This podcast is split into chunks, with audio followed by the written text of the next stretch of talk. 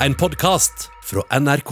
Til kunstner Veslemøy Lilleengen, som samler inn urin fra kvinnelige kunstnere. Med denne urinen skal hun lage T-skjorter i fargen potteblå, og målet er å sette kvinnelige kunstnere på plakaten. Eh, akkurat nå så er det 150 liter urin stående. Den trondheimsbaserte kunstneren Veslemøy Lillengen jobber med et prosjekt som kanskje høres litt sprøtt ut for deg som ikke er helt inne i alle metodene i kunstverdenen. Da er det fem liter på, eh, fra hver kunstner da, som jeg må ha for å lage en god farge. Hun vil nemlig hylle norske kvinnelige kunstnere ved å gi dem ei egen T-skjorte i ei helt unik blåfarge, såkalla potteblå. Og for å få til denne farga må hun blande indigo med urin. Det lukter jo ganske formidabelt, da. Det må jo sies. Denne kunsten å farge er ikke så utradisjonell som det høres ut som. Potteblå er faktisk en av de eldste metodene for å framstille varig blå farge i tekstil, og er mest kjent her i Norge gjennom kunstneren Hanna Ryggen, som er en av våre fremste kunstnere innenfor tekstil og billedkunst. Hun var så ølending, og jeg er jo fra Ørlandet sjøl, så det er derfor at jeg skal farge en del på Ørlandet. Og det er derfor jeg er også spesielt interessert i potteblå som teknikk. da. Målet med prosjektet er å kaste ljos på de store skilnadene mellom kvinner og menn i kunstfeltet. Bare ett av ti offentlige kunstverk er laga av kvinner, ifølge Equality Check 2020. Akkurat det tallet der, det beit seg fast i meg og gjorde meg skitforbanna, rett og slett. Så at jeg kjente at jeg er nødt til å gjøre noe med det her. Jeg er nødt til å belyse hvordan kan jeg jobbe med det. I tillegg vil hun ta et oppgjør med myten om at mannlig urin gir finere blåfarge enn urin fra kvinner. Altså, Den har jo ingen, ingen rot i virkeligheten i det hele tatt. Derfor har Lillengen bestemt seg for å bruke hele elleve år av livet sitt på dette prosjektet. Hun skal nemlig ta for seg fylke for fylke, og akkurat nå driver hun i Trøndelag. Hver kvinnelig kunstner som er med, får sin egen T-skjorte med navnet sitt på. I tillegg skal hun farge ull og silke og lappe det sammen til en tekstilskulptur som vil vokse år for år. Jeg syns det er et eh, veldig morsomt eh, måte å angripe statistikk på. Sier Tone Hansen, som er direktør i Henny Jonstad kunstsenter. Spesielt den der utholdenheten på elleve år er jo kjempespennende, fordi at hun vil jo sitte også med et kartotek over kvinner og en dokumentasjon over eh, prosessen sin som, eh, som blir veldig spennende. Og på spørsmål om hun tror Lillengen vil klare å oppnå større likskap med prosjektet, svarer hun. Hvis man er tydelig på holdninger og flagger det man mener, og, og, inviterer andre til å være med i en prosess, så, så vil man jo eh, kunne være med å påvirke større enn det man er sjøl. Hun håper det blir samla inn statistikk underveis, slik at en kan se om verden endrer seg i positiv retning. Og så er spørsmålet om Lillingen mener det er verdt å dedikere elleve år av livet sitt på dette. Hvis det er sånn at jeg kan bidra til den samtalen her som man er nødt til å ha om, om, om likhet, rett og slett, så er det bra. Og da er det en liten pris å betale å samle inn urin i elleve år, tenker jeg. Det sa kunstner Veslemøy Lillengen, reporter Oda Elise Svelstad. Vi skal fortsette i kunstverdenen med, fordi vi har fått besøk av kunstner Henrik Plakt. Velkommen, Henrik. Takk for det. God morgen.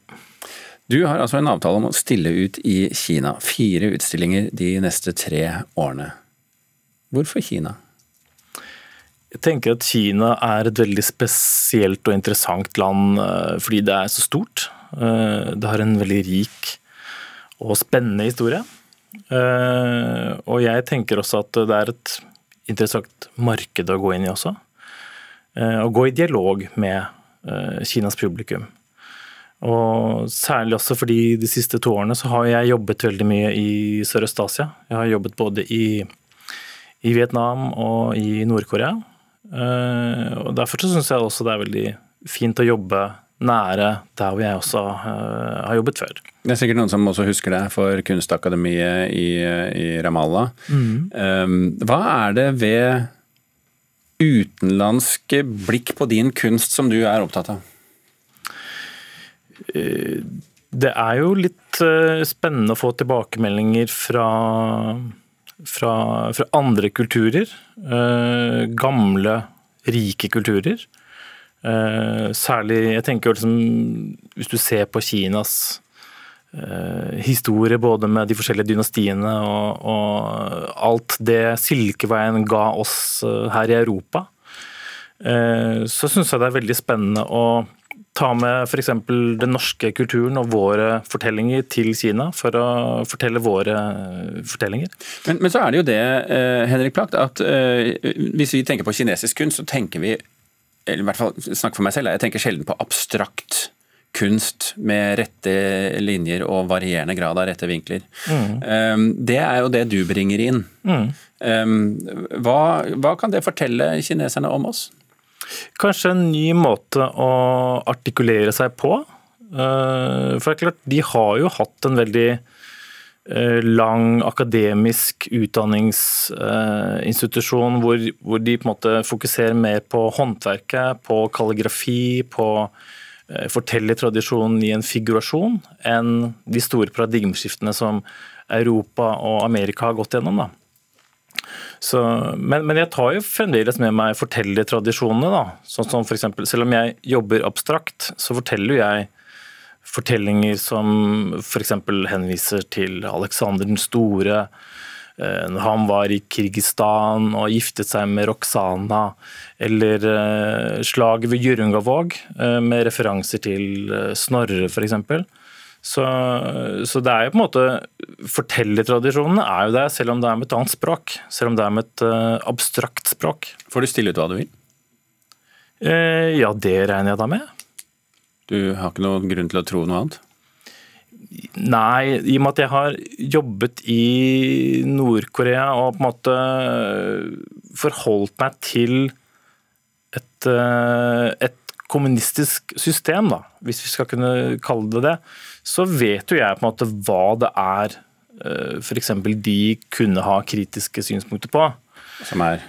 Eh, ja, f.eks. kritikk, ikke sant. Eh, men, men, jeg jobber jo på en veldig annerledes måte enn enn akkurat den type kunst. Da. Ser du det som et problem at du ved å stille ut i Kina kan mistenkes for å anerkjenne et undertrykkende regime?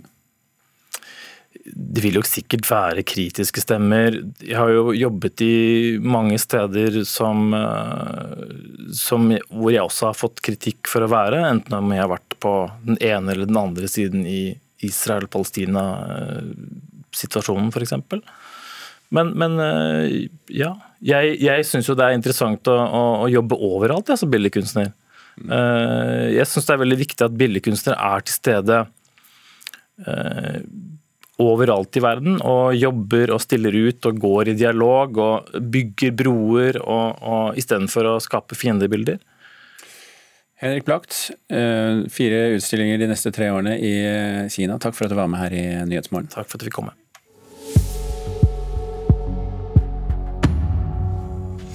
Nå skal vi til eh, Kristiansand, for i en krok i magasinet på Sørlandets kunstmuseum sto det i mange år en enorm brunsvart eikedør og samlet støv.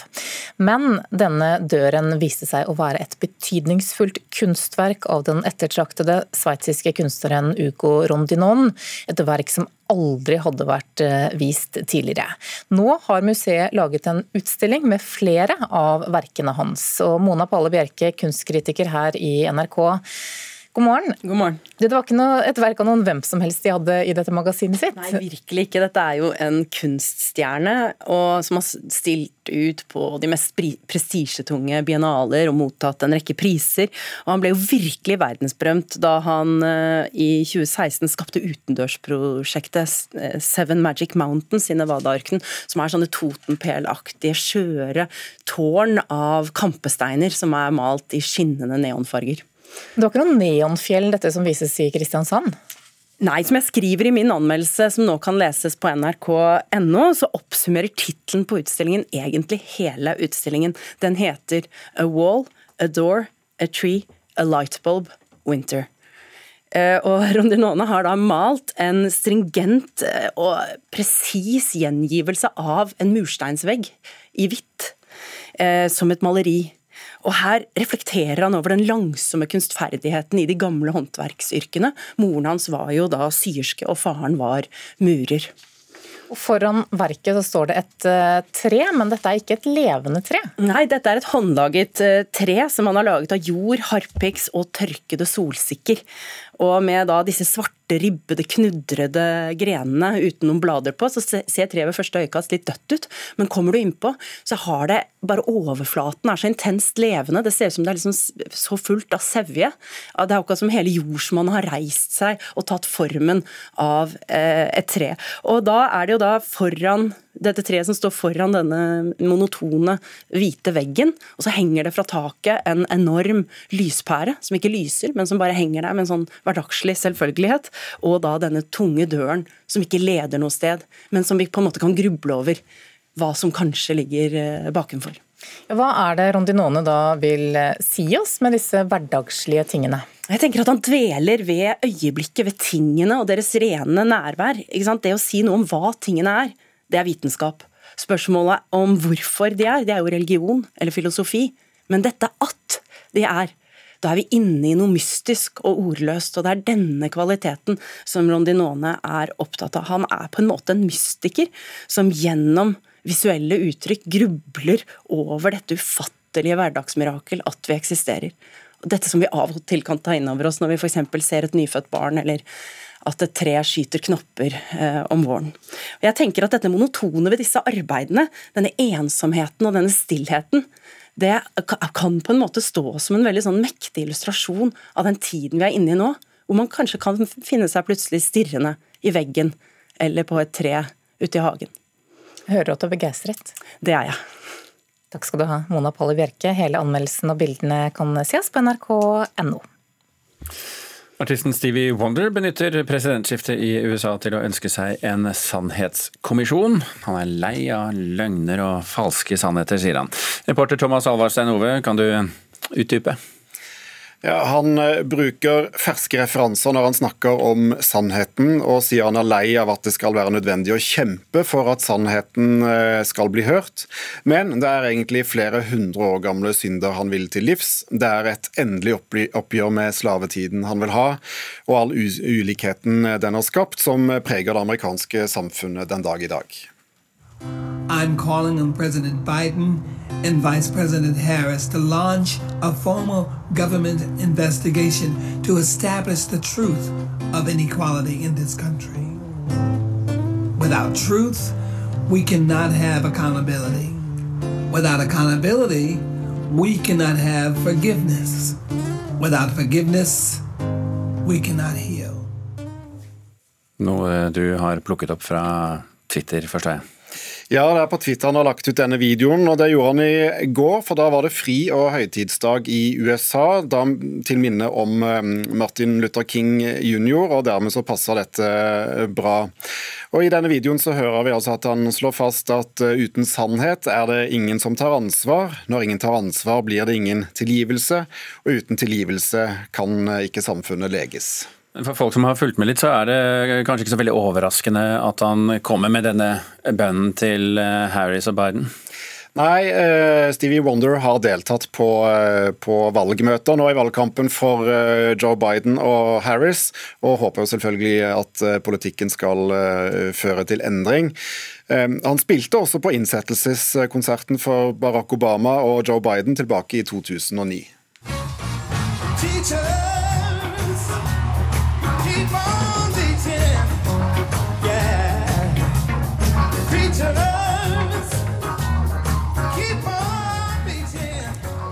dette er jo altså fra en uh, egen konsert som Obama arrangerte etter innsettelsesseremonien. Men Thomas, det er jo ofte musikk også på selve innsettelsesseremoniene. Hvem er det som stiller opp for Joe Biden i morgen? Den siste bekreftede er kontraartisten Garth Brooks. Han har stilt opp for alle presidenter, uh, demokrat som republikaner, siden Jimmy Carter, med unntak av Ronald Reagan og Donald Trump. Lady Gaga skal synge nasjonalsangen, vet vi. Jennifer Lopez kommer, og så blir det en gjenforening med The New Radicals, som eh, mange vil huske fra slutten av 90-tallet. Ja, Thomas. Takk skal du ha. Du har hørt en podkast fra NRK. Hør flere podkaster og din NRK-kanal i appen NRK Radio.